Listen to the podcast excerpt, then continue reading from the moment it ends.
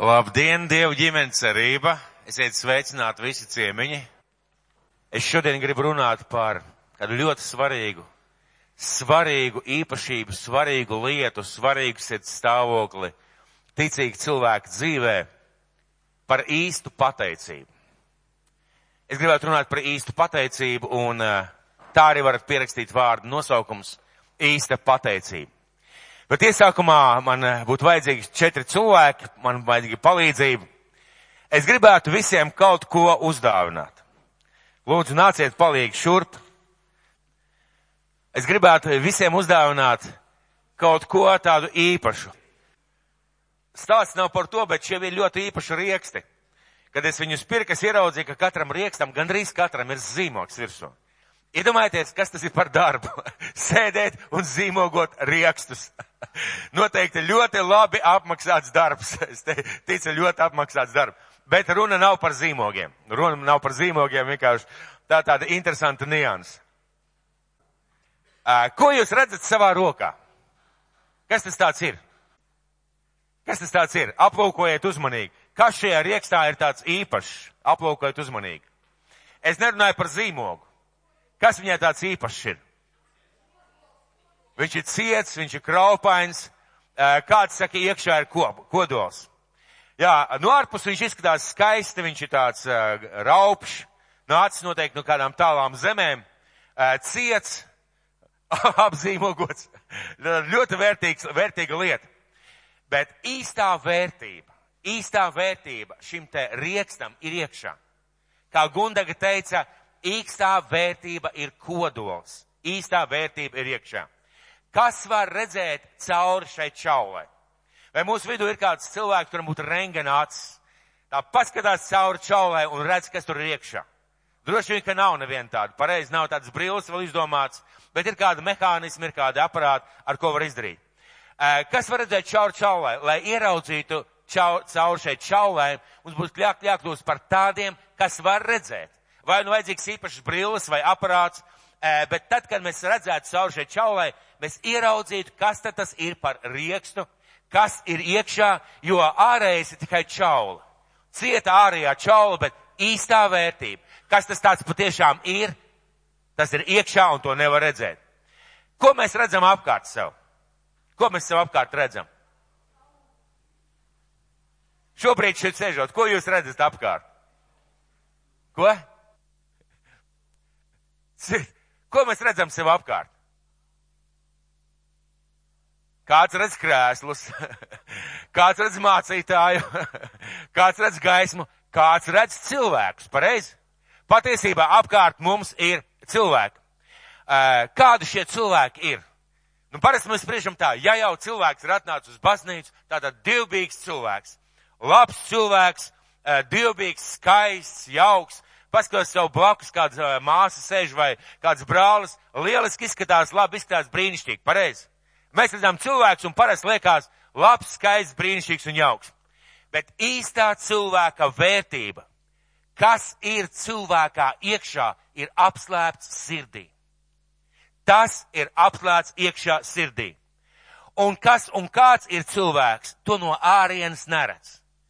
Tas ir apslēpts sirdī, un tikai sirds dziļumos var ielūkojoties, var ieraudzīt, kas ir šis cilvēks, kāds viņš ir, Un tas ir tas, ko mēs no ārpuses neredzam. Tas ir dziļi sirdī apslēpts, un mēs bieži kļūdamies. Mēs skatāmies uz cilvēku tāds tāds dievbīgs, jautrs, priecīgs, laipns vai kā vēl kāds, un izīstenībā var izrādīties, ka pat, pat ar caur smiekliem reizēm izpaužās sāpes. Reizēm pat caur jautrību izpaužās kāds iekšējs izmisums, un reizēm ir tā, ka mēs skatāmies, nekāds tāds jauks cilvēks, bet iekšā bieži vien ir rūkts ļaunums un nepiedošana un kādas lietas. Bet ir viens, kas visu zina un redz, un tas ir mūsu dabas tēvs. Ir viens, kas visu zina un visu redz, tas ir mūsu dabas tēvs. Un bieži vien viņš zina pat to, ko nezina pats cilvēks. Ja mums tagad pajautāt, pamēģini sevi noraksturot, mēs droši vien noraksturot, varbūt padomājot, noraksturot sevi no tā mirkļa sajūtām, tā mirkļa pārdomām, bet Dievs redz iekšā mūsu sirdī. Viņš redz dziļumā mūsu sirdī, un viņš ir taisnas tiesnesis. viņš spriež taisnu tiesu, viņš spriež tā, kā tas patiešām ir.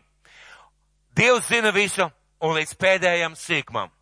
Es gribu dalīties ar vārdu par cilvēka neredzamo daļu sirdi un par to, kas var būt sirdī vai kas ir iekšā sirdī. Un kas nāk no sirds. Sāksim ar Dievu, mūsu debes tēvu. Sāksim ar Dievu, mūsu debes tēvu. Pirmām kārtām, Dievs ir mūsu debes tēvs. Viņš nav nekāds spēks, viņš nav nekāds augstākais saprāts, viņš nav nekāds mākonis, viņš nav nekādi principi, viņš nav nekāds liktenis. Dievs ir personība. Dievs ir reāla, garīga personība, gars. Viņš ir dzīves, viņš ir reāls, viņš ir domājošs, viņam ir emocijas, viņam ir raksturs, viņš darbojās, dara, un viņš virza lietas uz priekšu. Dievs ir personība.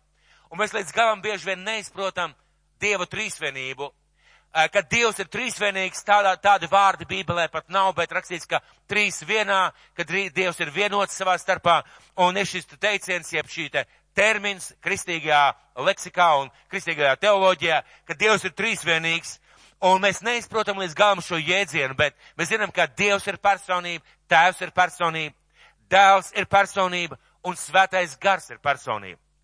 Un ko tēvs darīja? Dievs tēvs radīja šo zemi, šo pasauli. Tēvs rakstīts, ka sūtīja savu dēlu. Dēls atnāca uz šo zemi, mācīja, staigāja, iemiesojās caur sievieti, kalpoja, dziedināja. Dēls nomira par mūsu grēkiem, cēlās augšā un aizgāja pie tēva un tika sūtīts svētais gars. Un svētais gars atnāk uz šo zemi kā skolotājs, kā mācītājs, kā palīgs, kā iedrošinātājs. Un svētais gars arī ir personība. Un Dievs neskatās tā, kā redz cilvēki. Neskatās cilvēku ārien, Dievs skatās sirdī un redz cilvēku sirdi. Dievs skatās sirdī un redz cilvēku sirdi. Un spriež par cilvēku pēc tā, kas ir iekšā sirdī. Mēs varam šeit skaisti izskatīties un uh, brīnišķīgi izturēties un gudri runāt un ar augstām izglītībām vai saprašanu vai talantiem vai spējām, bet kas ir cilvēks? Kas ir šajā cilvēkā? Spēj spriest un zināt vienīgi Dievs. Un mūsu rīcība bieži vien parāda to, kas ir mūsos iekšā. Ir tāds teiciens, ko jauni cilvēki reizēm lieto, kad runā par viņa apģērbu. Reizēm jauni cilvēki saka tā, Dievs neskatās uz manu apģērbu, Dievs skatās uz manu sirdi. Tā saka jauni cilvēki, un vecāki cilvēki gudri un viedi būdām, viņi izdomājuši tādu teicienu pretīm. Jā, bet kas ir tavā sirdī, to parāda tavs apģērbs. Un tā ir taisnība, pareizi. Kas ir tavā sirdī, to parāda tavs apģērbs. Uh, un Dievs nespriež kā cilvēki, bet Dievs spriež tā, kā viņš redz cilvēku sirdi. Un uh, šajā sakrībā runājot par šīm lietām, lietām, Dievs zina, kas mums nāk ārā un kāpēc nāk ārā. Bet Dievs nav augsts zinātnieks. Bieži vien cilvēki uztver Dievu kā tādu zinātnieku vai tētiņu, kas sēž uz mākoņa malas, skatās, vēro cilvēkus, ļauj viņiem darīt savus lietas, savus darbus līdz zināmām laikam, līdz pienāks kaut kāds tiesas mirklis. Dievs nav augsts zinātnieks, viņš nav statisks Dievs, viņš redz visu, vēro visu, un viņš vēlās atklāt mums to, ko viņš redz. Dievs ļoti vēlās mums katram personīgi atklāt to, ko viņš redz pirmām kārtām par mums, par katru no mums personīgi. Un viņš vēlas mainīt mūsu iekšējo dzīvi. Viņš vēlas mainīt mūsu, mūsu, mūsu pašu labā. Svarīgi saprast, ka Dievs vēlās mainīt mūsu pašu labā. Es kādreiz domāju par kādu vietu Bībelē, kas īstenībā neiet kopā ar tādu kristīgo terminoloģiju vai teoloģiju vai domāšanas veidu. Jēzus tiek uzaicināts kāda farizēja namā. Un kad jūs ejat pie kāda ciemos, jums nav ne mazākās vēlēšanās aizskart šo cilvēku, aizrādīt viņam vai pateikt kādus skarbus vārdus. Ja es tik ieaicināts farizēja namā, un tas ir tā, tā ir tā reize, kad Jēzus sežot pie galda, ēdis šī farizēja maize, cienājies ar tiem gardumiem, ko farizējs pasniedza, cenšoties izdabāt skolotājiem un šai slavenai personībai, Jēzus saka vārds, jūs nopalcinātie kapi, jūs liekuļi, jūs mēļi, viņš lieto ļoti skarbus vārdus. Un es kādreiz domāju, tas nu gan ir baigi. Iedomājies, tu uzaicini kādu brāli ciemos, viņš atnāk pie tevis ciemojās, tu viņam saka labus vārdus, viņam parāda kaut kādu cieņu, un viņš pēkšņi sēž pie galda un saka, zini, Jāni, man gribās, man, man tev jāsaka, tu esi liekuls. tu esi tāds un tāds un tāds. Pirmā lieta, ko es nodomātu, tam nu gan nav kauna. Tam nu gan nav kauna. Es viņu uzaicināju, un viņš man šitā. Un domājot par šo piemēru, esmu domājis, kāpēc Jēzus teica šos vārdus. Kāpēc viņš teica šos vārdus, sežot šī farizēja, šīs cilvēka namā aizgājis ciemos? Bet tikai viens iemesls. Viņš mīlēja šos cilvēkus. Un nebija cita veida vai varianta, kā to labāk pateikt. Viņš teica to tāpēc, lai šie cilvēki apstātos un aizdomātos. Bībelē saka, ka viņi to nedarīja, bet viņš teica, tāpēc, lai apstātos un aizdomātos, ka Dievs uz mums runā caur savu vārdu, caur kādu lietu, kādu liecību, kādu sprediķi vai Bībeles pantu. Dieva teksts nav vienkārši apsūdzēt vai pateikt, tu tāds nēsi, bet Dieva griba ir izmainīt tevi, darīt pilnīgāku, vest uz pilnību, svētīt tevi, manis paša labā, tevis paša labā. Tas ir tas, ko Dievs vēlās darīt. Un es gribu jūs vest uz 50. psalmu. 50. psalms, es šodien gribētu sludināt no psalmiem. 50. psalms, atšķiriet lūdzu savās bībelēs, es gribētu, lai jūs sekojat līdzi, jo mums ir daudz par ko pārunāt. Tātad 50. psalms. Un šis psalms saucās ļoti īsti, īpaši īsts dievkalpojums. Un lūk, sākot no pirmā panta. Dievs, stiprais Dievs, kungs uzrunā un uzsauc visai zemē no rītiem līdz vakariem. No ciānas, kas ir skaistuma vainagojums, Dievs staro sava spožuma gaismā. Mūsu Dievs nāk un necieš klusu. Iznīcības uguns iet viņam pa priekšu un stipra vētra plosās viņiem visapkārt. Viņš uzsauc debesīm augšā un zemē, lai tiesātu savu tautu. Sapulcējiet manus svētos, kas upurādami slēdza ar mani derību. Un debesis pauda viņu taisnīgumu, jo Dievs pats ir tiesnesis. Un no pirmā līdz šim sastajam pantam Dievs runā par to, kas viņš ir un kāds viņš ir. Un viņš saka, saiciniet manus svētos. Viņš nerunā vienkārši uz tautām šajā psalmā. Viņš nerunā vienkārši uz cilvēkiem, kas nepazīst Dievu. Viņš cenšas un viņš runā uz tiem cilvēkiem, kas ir slēguši ar viņu derību. Kas ir derībā ar viņu, kas ir pieņēmuši debes tēvu, kas ir pieņēmuši Jēzu Krustu, Kristu par savu kungu un savu glābēju. Un septītais pa, pa, pa, pants. Klausies, mana tauta. Es runāšu Izrēlu. Es brīdinu tevi. Es Dievs es esmu tavs Dievs. Vai varbūt vēl spēcīgāk vārdi kādam, kas vēršas pie tevis? Vai var vēl pateikt kaut ko svarīgāku vai vērtīgāku vai nopietnāku, jeb tādu ar lielāku svaru, kā vārdi es tavs Dievs vēršos pie tevis? Un mēs varētu teikt, tas jau bija vecās derības laikā. Dievs vērsās pie tautas derības vecās derības laikā, bet Dieva vārds ir visiem laikiem, visām paudzēm. Un tieši tāpēc es gribētu teikt, ka šodien Dievs vēršās arī pie tevis un pie manis. Un es gribētu jūs aicināt, varbūt kādam liksies tas jocīgi. Varbūt kādam tas liksies, nu tā nevar būt. Bet man gribētos teikt, ka Dievs šodien tev kaut ko grib pateikt. Dievs tev šodien kaut ko grib pateikt. Un lūk, sākot no 8. panta. Tad Dievs runā savu tautu, viņš runā arī uz mums šodien. Es esmu tavs Dievs. Un 8. pantā. Nevis tavu kaujamo upuru dēļ norāju es tevi. Tavi dedzināmie upuri ir vienmēr man acu priekšā. Un šajā pantā Dievs saka, es redzu tavus ārējos darbus. Es redzu, ka tu sadedzini šos upurus. Es redzu, ka tu ziedo ka tu dari, es to redzu. Un ne tāpēc, ka tu to dari, es vēršos pie tevis. Ir kāds cits iemesls, kāpēc es to daru. Tavi sadedzināmie upuri ir vienmēr manā priekšā. Uh, ko tas nozīmē mūsu dienās? Tas nozīmē, es redzu, kā tu uzliec svecīt. Es redzu, kā tu noskaiti lūkšanu, es redzu, kā tu noskaiti tēvreiz, es redzu, kā tu ziedo, es to redzu. Tas viss ir manā priekšā, es to pieņemu, es to redzu, bet ir kāda lieta. Tavi dedzināmie upuri ir vienmēr mana acu priekšā. Es neņemšu vēršus no tava nama, nec āžus no tava ganāma pulka, jo man piedara visi meža zvēri, visi kustoņi pa tūkstošiem kalnos.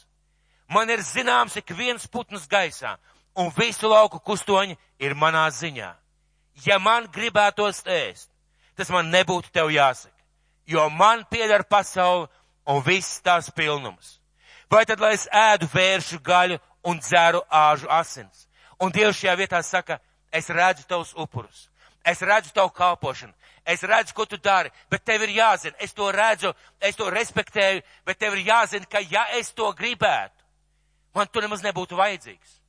Ja man tas būtu vajadzīgs, tieši upuri vai šis pārējais, ja man tas būtu vajadzīgs, es to tāpat dabūtu, man tas viss jau piedara. Tas, ko tu dari, tas ir pareizi un tas ir labi, bet ir kāds iemesls, kāpēc es to nevaru pieņemt. Ir kāds iemesls, kāpēc es to nevaru pieņemt. Es to nepieņemšu. Man tāpat tas viss jau piedara. Es redzu, bet tas nav tas, ko es no tevis sagaidu. Cik daudz Dievu bērni, cik daudz kristieši iet uz baznīcu, dara varbūt pat labus darbus, ziedo līdzekļus, kalpo Dievam vai dara kādas lietas, bet ir kaut kas dalīts viņu dzīvē. Un Dievs ir personība, es nepavēltu to uzsvērt no sākuma. Ir Dievs ir personība, un viņš redz mūsu sirdi. Un viņš saka, ārēji tu izskaties labi. Ārēji tu ziedo, ārēji tu dod, bet tev ir jāzina, ja man to vajadzētu, es būtu bez tevis, tu man nemaz nebūtu vajadzīgs. Es neesmu elks vai reliģija, tam pietiek, elkam vai reliģijai, pietiek ar ārējiem darbiem, ar svecīti, ar tēvreizi, ar būšanu baznīcā. Elkiem vai reliģijai, vai augstai mirušai ticībai pietiek, ka tu sēdi baznīcā, pietiek, ka tu skaities kādā konfesijā, pietiek, ka tu skaities draudz loceklis, kādai reliģijai vai konfesijai ar to pietiek. Dievs saka, bet es esmu dzīves Dievs. Es redzu tavu sirdi. Un tavā sirdī es redzu kaut ko dalīt. Kaut ko, kas ir dalīts. Un lūk, 14. pants, vēlreiz 13. un tad 14. Vai tad, lai es ēdu vēršu gaļu un dzeru āžu asinis? Un 14. pants. Nes Dievam pateicību kā upuri un tā pildi visaugstākajiem savus solījumus. Kā Dievs? Es taču tikko atnesu upuri. Es taču tikko noskaitīju tēvreiz. Es taču tikko noliku svecīt. Es taču tikko iemedu ziedojumu. Un Dievs saka, nes pateicību. Vai tad tā nav pateicība? Dievs, vai tas, ko es ārēji tādā veidā daru, vai tā nav pateicība? Ārējās lietas arī ir pateicība, bet ārējās lietas ir viegli darīt, ļoti vienkārši darīt. Ir ārkārtīgi vienkārši atnākt uz baznīcu, tāpēc, ka vajag. Ir ārkārtīgi vienkārši ziedot, tāpēc, ka vāc ziedojumus. Ir ārkārtīgi vienkārši sasveicināties, tāpēc, ka visi sveicināt. Ir ārkārtīgi vienkārši būt kādā konfesijā, jo tas ir normāli, piederīgi un tas ir sakarīgi. Bet, bet vai tas ir tāpēc, vai tas ir tāpēc un tāpēc, ka Dievam to vajag? Vai tas ir tāpēc, ka tu esi pateicīgs, vai tas ir tāpēc, ka tu mīli Dievu, ka tu tici Dievam, ka tu novērtē, ko Viņš dara, ka savādāk nevari, vai tāpēc, ka tā vienkārši vajag? Lūk, lielais jautājums. Un Dievs vēršās pie savas tautas. Viņš saka, sapulciniet izredzētos. Es gribu ar viņiem runāt. Viņš pats pateica, lai viņi ziedo, lai viņi upurē, un tad viņš saka, es redzu, ko jūs darat. Es redzu, ko jūs darat, es respektēju. Bet tev ir jāzina, ka aiz ārējiem darbiem ir jābūt kaut kam, kas ir īstā sāls, īstā vērtība, kāpēc tu to dari. Un Dievs saka, pienes pateicību. Pienes Dievam pateicību kā upuri, un tā pildi visaugstākajiem savus pusolījumus. Kad mēs esam patic, pateicīgi, mēs varam izdarīt neticamas lietas. Es nezinu, vai jūs dzīvē tā ir gadījies, bet manā dzīvē ir bijis cilvēki, kuriem esmu bijis ārkārtīgi pateicīgs. Un, kad es skatos atpakaļ, esmu centies visādā veidā viņus svētīt, jo es esmu bijis pateicīgs. Kad cilvēks ir iemīlējies, cilvēks spēj darīt neticamas lietas, ne jau pavelti, soli nones zvaigznes no debesīm un mēnesi, eh, mēnesi apseglot un vēl visādas lietas kad mēs mīlam, varam izdarīt neticamas lietas. Un pateicība ir sirds stāvoklis. Pateicība ir sirds stāvoklis. Tu nevari būt pateicīgs mākonim. Tu nevari būt pateicīgs kādam spēkam. Tu nevari būt pateicīgs augstākajam prātam, baznīcai vai savai konfesijai. pateicība iegūst savu īsto jēgu tikai tad, kad tu esi pateicīgs personībai. Jo tajā mirklī, kad tu uh, kļūsti pateicīgs personībai, tur izveidojās šīs te attiecības, šīs te, šo te, ko sauc par ķīmiju, ko nevar salīdzināt. Esmu pateicīgs savai draudzē, bet draudz tie ir cilvēki. Esmu pateicīgs savai konfesijai, bet konfesija tā ir Dieva iestādījums. Mums jābūt pateicīgiem mūsu dabas tie, Dievam, tad šai personībai. Un cilvēks spēj darīt bezgalīgi daudz kāda cilvēka labā, ja vajag. Patiesībā cilvēka spējām nav robežu. Es domāju, ka daudz ir dzirdējuši šo teicienu, cilvēka spējām nav robežu. Un, ziniet, tā ir taisnība. Tā tiešām ir taisnība. Uh, ir liecības, kāda vāji cilvēki ir, lai izvilkt ārā no uh, nokritušas mašīnas, kādu savu tuvinieku ir pacēluši mašīnu ir liecības, ka cilvēki skrējuši ātrāk un braukuši ātrāk, skrējuši ātrāk nekā brauc mašīna. Ir liecības, ka cilvēki darījuši neiespējamas lietas. Kādreiz jaunībā es lasīju par kādu vīru vārdā Meresjevs, kuram kara laikā uh, tika sadragāts abas divas kājas, un viņš trīs dienas ar sadragātām kājām, tāpēc, ka gribēja dzīvot. Norāpoja pa mežu un aizrāpoja pie savējiem. Cilvēks spēja darīt neiespējamas lietas, ja vajag ja viņam labi samaksā, ja liek, ja nav citas iespējas, bet sirdī tu vari no šīs personības, kam tu to dari, būt bezgalīgi tālu, ārkārtīgi tālu no šīs personas. Bet Tēvs grib, lai mūsu sirds pieder viņam. Un no tā stāvokļa, ka mūsu sirds pieder viņam. Lai no turienes viss nāk un lai nāk kā pateicība. Nevis tāpēc, ka vajag Nevis tāpēc, ka nav iespējas, nevis tāpēc, ka ir vajadzība vai tas ir mans pienākums, bet lai tas, ko mēs darām, lai tā ir kā pateicība. Un Dievs šajā vārdā saka, es redzu, ko tu dari. Es redzu tavus ārējos darbus, bet zini, ko es gaidu? Es gaidu, ka šiem, šai ārējām lietām būs īstais pamats. Pateicība man par to, kas es esmu un par to, ko es darīšu. Tēvs grib, lai mūsu sirds pieder viņam un no šīs stāvokļa, ka mēs viņam piedaram, ka mūsu sirds viņam pieder, lai no šīs stāvokļa nāk visas lietas. Es zinu, ka ir cilvēki, kuriem ir grūti kalpot draudzē, grūti kalpot dievam, grūti kaut ko darīt, grūti kaut ko no sevis atraut. Un iemesls nav viens, tā nav aizņemtība, mīļā. Tā nav aizņemtība. Tas nav pārgurums, tas nav nogurums. Reizē mums viss kaut kas var būt. Bet patiesībā ir iemesls viens tev sirdī nav īstas pateicības un īstas mīlestības. Un ebreji ļoti turējās pie šīm tradīcijām. Viņi upurēja, un kad mēs lasām šos viņu rakstus un šos viņu pierakstus, mēs varam ieraudzīt, cik daudz viņi darīja, cik daudz viņi nesa visādus upurus, cik daudz viņi kalpoja. Bet iemesls bija, tāpēc, ka vajag, tāpēc, ka Dievam mēs tā izpatiksim, tāpēc, ka tāds ir nolikums, tāds ir rūlis, tāda ir pienākuma. Un Dievs saka, bet es gribu, lai tu kā upuri pienes nevis tos āžus, nevis tās lietas, bet lūk, lai tu kā upuri pienes pateicību. Un mums kā kristiešiem ir jautājums, vai mēs kaut ko daram tāpēc, ka mēs esam pateicīgi mūsu debesu tēvam, ka mēs esam pateicīgi Jēzum Kristum. Ir kāds stāsts, ir kāds stāsts, kurus gribētu jums izstāstīt. Un šis stāsts ir sekojošs, ka kāds jauneklis Jauneklis lūdz kādas meitenes sirdi un roku. Un ir tādi apstākļi, ka viņai nav īsti izvēles, ir tāda apstākļa, tāda kultūra. Un meitene saka, es piekrītu kļūt par tavu sievu. Es rūpēšos par tevi. Es gādāšu par tevi. Es paklausīšu tevi, es cienīšu tevi. Es radīšu tev bērnus. Es darīšu visu, kas sievai ir jādara.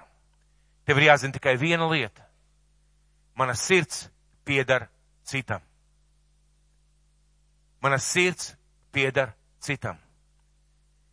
Un uh, ir ļoti zemiski, ļoti zemiski pieņemt šādu upuri. Ir ļoti zemiski pieņemt tikai šo ārējo čaulu, tikai šo ārējo čaulu, šo ārējo kalpošanu. Un mūsu Dievs nav zemisks. Viņam nevajag mūsu kalpošanu, viņam nevajag mūsu naudu. Viņam nevajag mūsu upurus un mūsu nākšanu uz dievkalpojumu. Tas, ko viņam vajag. Viņam vajag mūsu pateicību un mūsu sirdi. Un cēls jauneklis, zemisks cilvēks, pieņemt šādu upuru un priecātos par to, ka viņš iegūst šādu sievieti. Mūsu Dievs nav zemisks Dievs. Mūsu Dievs ir cēls bruņinieks, ja tā varētu teikt. Un cēls cilvēks nekad tādu upuru nepieņem, ja, var ne, ja nevar iegūt sirdi. Man nevajag neko. Un tas tas, ko Dievs saka šajā, šajā vārdā, viņš gaida mūsu pateicību. Dievam ir cēls sirds, un viņš meklē mūsu sirdi.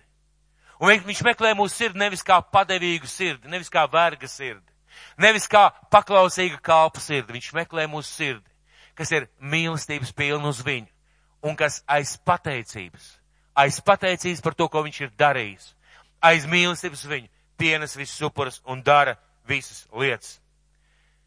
Un īstiem iemeslām, kāpēc mēs, mums vajadzētu kaut ko darīt, vai kāpēc mums kaut ko darām, jābūt tāpēc, ka es mīlu, tāpēc, ka esmu pateicīgs par glābšanu, pateicīgs par pestīšanu, pateicīgs par viņa nāvu un par viņa augšām celšanos, pateicībā par to, ka viņš mans mīlošais tēvs, ka es piedaru viņam, ka viņš man ir dāvājis mūžīgo dzīvību, ka viņš man vada un ka viņš man palīdz.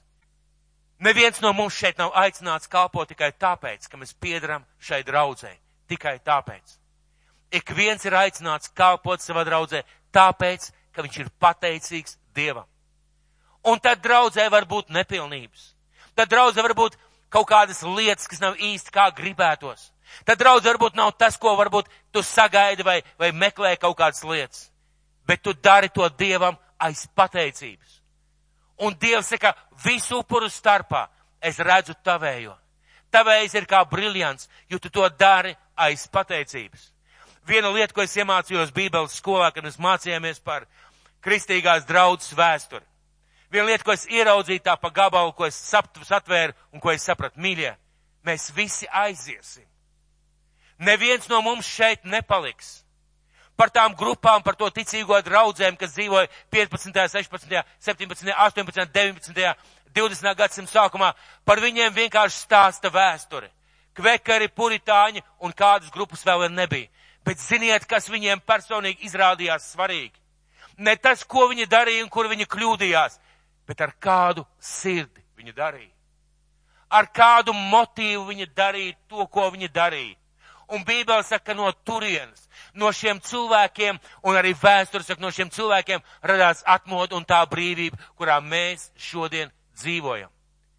Bet tie cilvēki nodzīvoja savu dzīvi, un vienu dienu viņi nostājās Dievu priekšā. Un Dievs izsvēra iemeslus, kāpēc viņi kaut ko darīja. Vai tāpēc, ka viņi bija labā draudzē? Vai tāpēc, ka viņam bija izcila, perfekta, ideāla mācība? Tādas nav.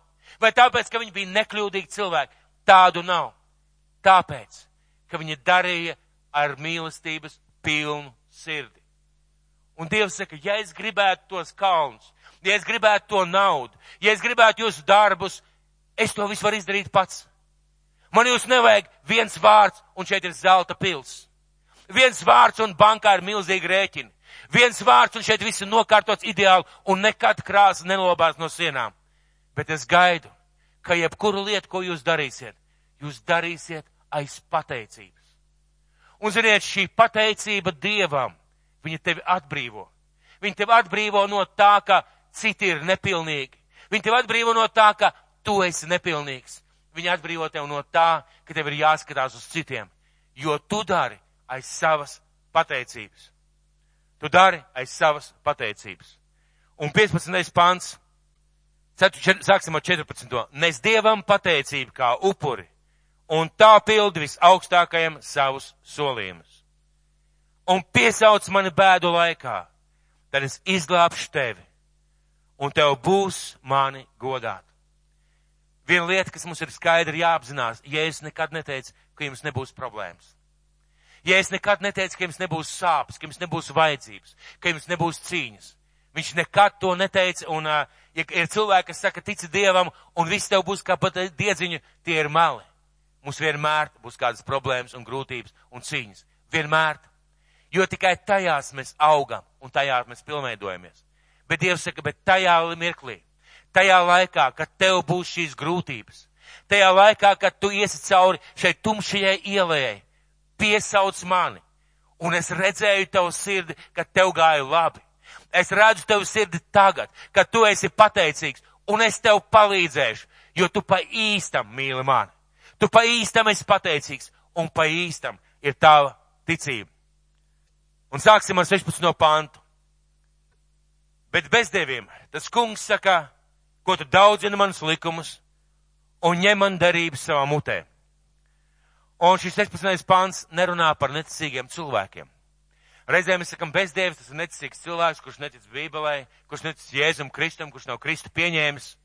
Tas ir cilvēks, kurš tikai ārēji, kā liekulis, domā, ka viņš ir ticīgs, kura sirds nepiedara Dievam, kura sirds piedara šai pasaulē, un kad viņš, ne, kad Dievs, kad cilvēks neredz, kad cilvēki neredz, viņš dara nepareizas lietas.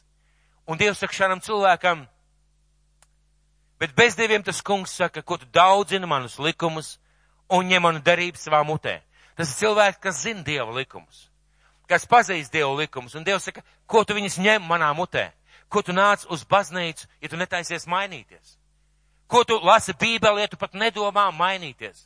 Kāpēc tu kaut ko dari, ja tev pat nav vēlēšanās, un viss, ko tu dari, tu centies koncentrēties uz šo ārējo, bet nevis uz iekšējo, nevis uz būtību. Un viņš saka, bet bez dieviem tas kungs saka, ko tu daudzini manu likumus un ņem manu derību savā mutē.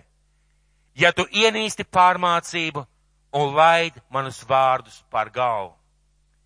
Ja tu ienīsti pārmācību un laid manus vārdus pār galvu. Ir tik daudz cilvēku, kuriem nepatīk, kad parāda viņu problēmas. Ir tik daudz cilvēku, kuriem nepatīk, kad viņiem kaut ko pasaka vai aizrāda, vai pasaka, kas nav pareizi viņu dzīvē. Un cilvēki ienīst. Bieži vien cilvēki nešķir vaļā kādas bībeles vietas, jo pārāk precīzi un pārāk trāpīgi tas trāpa. Pārāk trāpīgi. Un cilvēki dzird un viņu laiž pāri plecam.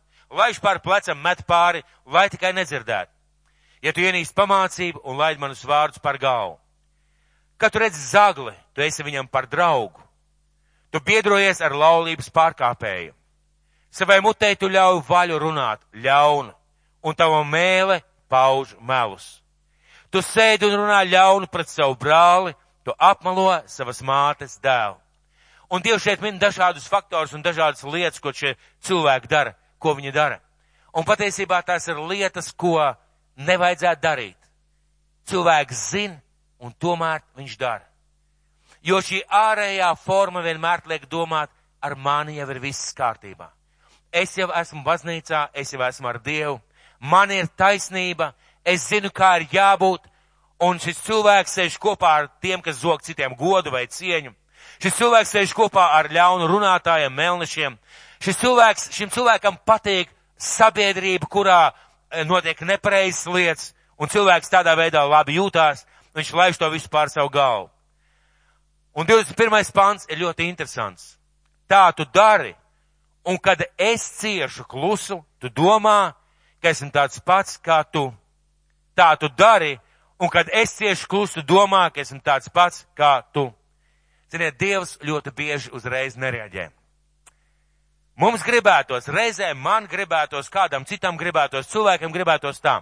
Līdz ko es kaut ko nepareizi daru, tā Dievs ar tādu garu lineālu no debesīm klaukš pa pirkstiem, un es skaidri zinu, ka nevajag. Kā es solis pa labi, klaukš pa pirkstiem, es zinu, ka nevajag. Solis pa kreisi, klaukš pa pirkstiem, es zinu, ka nevajag. Ļoti vienkārši būt dzīvot, pareizi. Ārkārtīgi vienkārši būt dzīvot, un mums daudziem tā gribētu. Bet ziniet, kāpēc, manuprāt, Dievs tā nedara? Viņš atstāja mums brīvo gribu, un ir viņa žēlastības laiks. Un Dievs vēlās, lai mēs paši iekšēji pieņemam lēmumus, ko mēs darīsim, kā mēs darīsim un kāpēc mēs darīsim. Lai nevis tāpēc, ka vajag, bet tāpēc, ka mēs gribam viņam paklausīt. Tāpēc, ka mēs viņu mīlam un mēs citādi nevaram.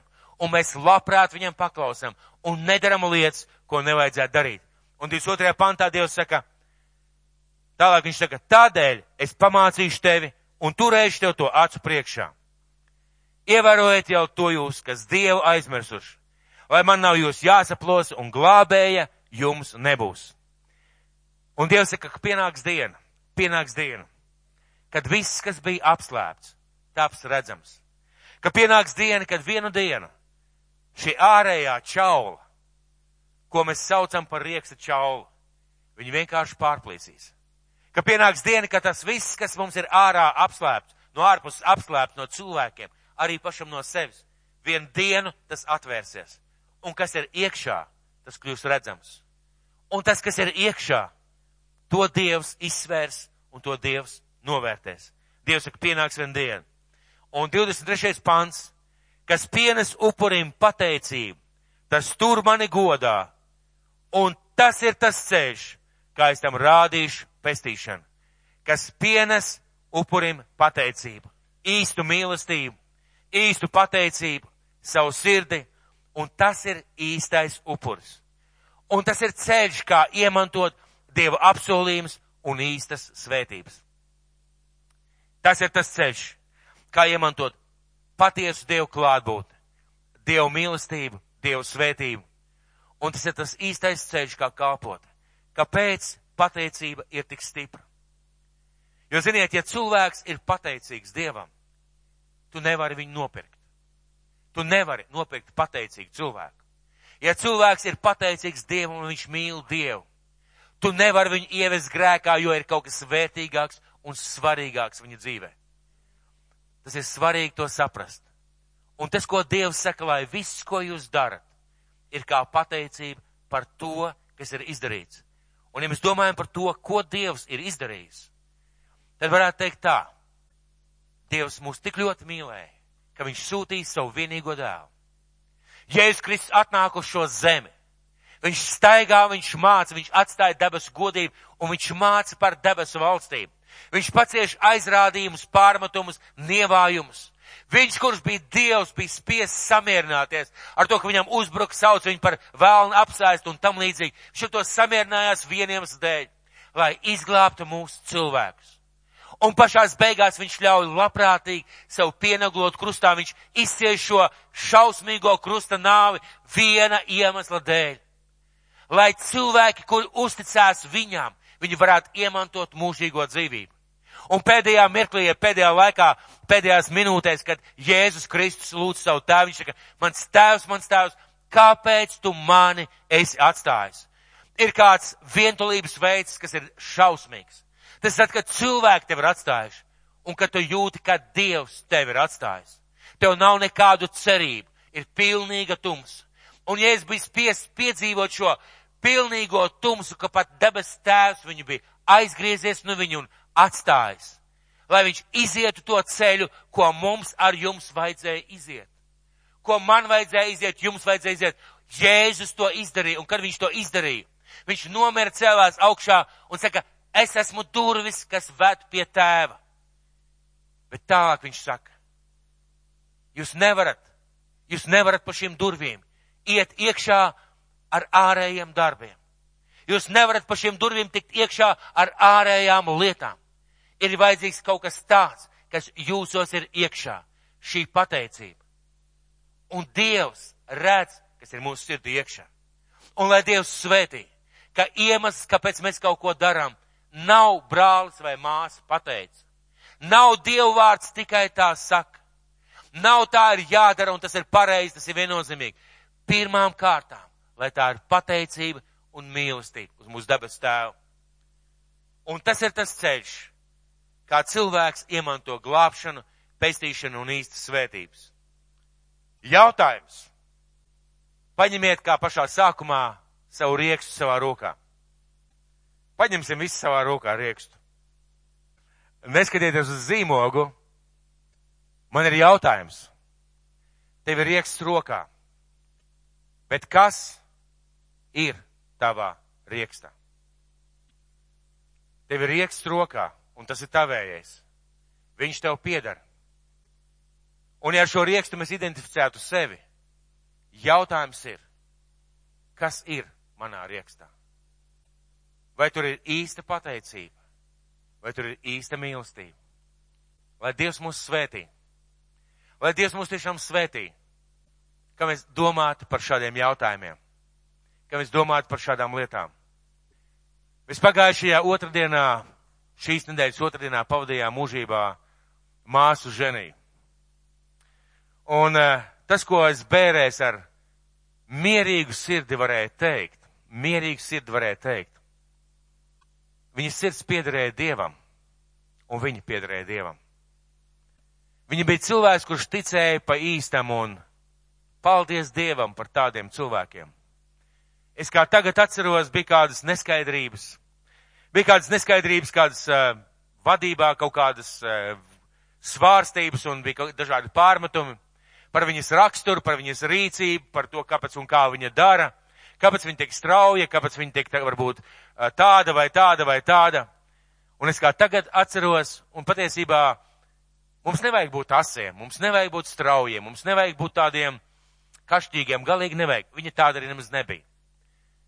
Bet es tagad ļoti skaidri atceros, ir pagājuši kādi 20 gadi, un viņas vārdi bija jūs varat mani izslēgt.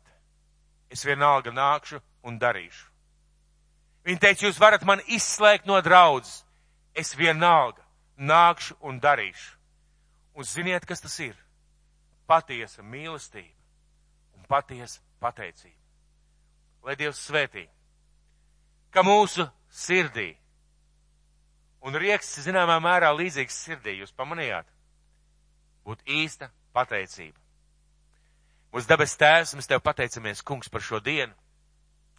Paldies tev, kungs, par tavu vārdu. Paldies tev, tēvs, par tavu vienkāršību. Paldies tev, svētais gars, ka tu atklāji mums šīs lietas, ka tu runā kā dzīves un paties Dievs. Kungs, tu neesi spēks. Tu neesi vienkārši reliģija. Tu neesi vienkārši augsts, kuram pietiek ar ārējo dievkalpošanu. Kungs, tu gaidi mūsu sirds kalpošanu. Tu gaidi Dievs, lai mēs tev kalpojam no sirds, pa īstam un nopietni. Un svētais gars. Es tev lūdzu, kungs, par ikvienu šajā zālē. Es tev lūdzu, kungs, par sevi, par ikvienu cilvēku, debes tēvs. Lai mūsu sirdī būtu pateicība par to, ko tu esi darījis. Lai mūsu sirdī būtu īsta patiesa mīlestība. Un vai tu nāc nakts vidū, vai rīta gaiļos, vai pat dienas vidu darba laikā, lai tu mūs atrastu ar pateicību sirdī. Un lai katru lietu, ko mēs darām, lai katru lietu, ko mēs darām tavā valstībā, mēs darām aiz īstas pateicības. Un tu, kungs, esi teicis, ka tad tu būs svētīs, ka tad tu palīdzēs, ka tu dos atbildi īstajā laikā un īstajā mirklī. Un svētais gars, svētais gars runā uz ikvienu šajā dienā. Runā tēvs par to, kas ir mūsu sirdī. Un lai tev tēvs, caur mūsu dzīvēm, tiek dots gods, slava un pateicība. Jēzus vārdā. Amen.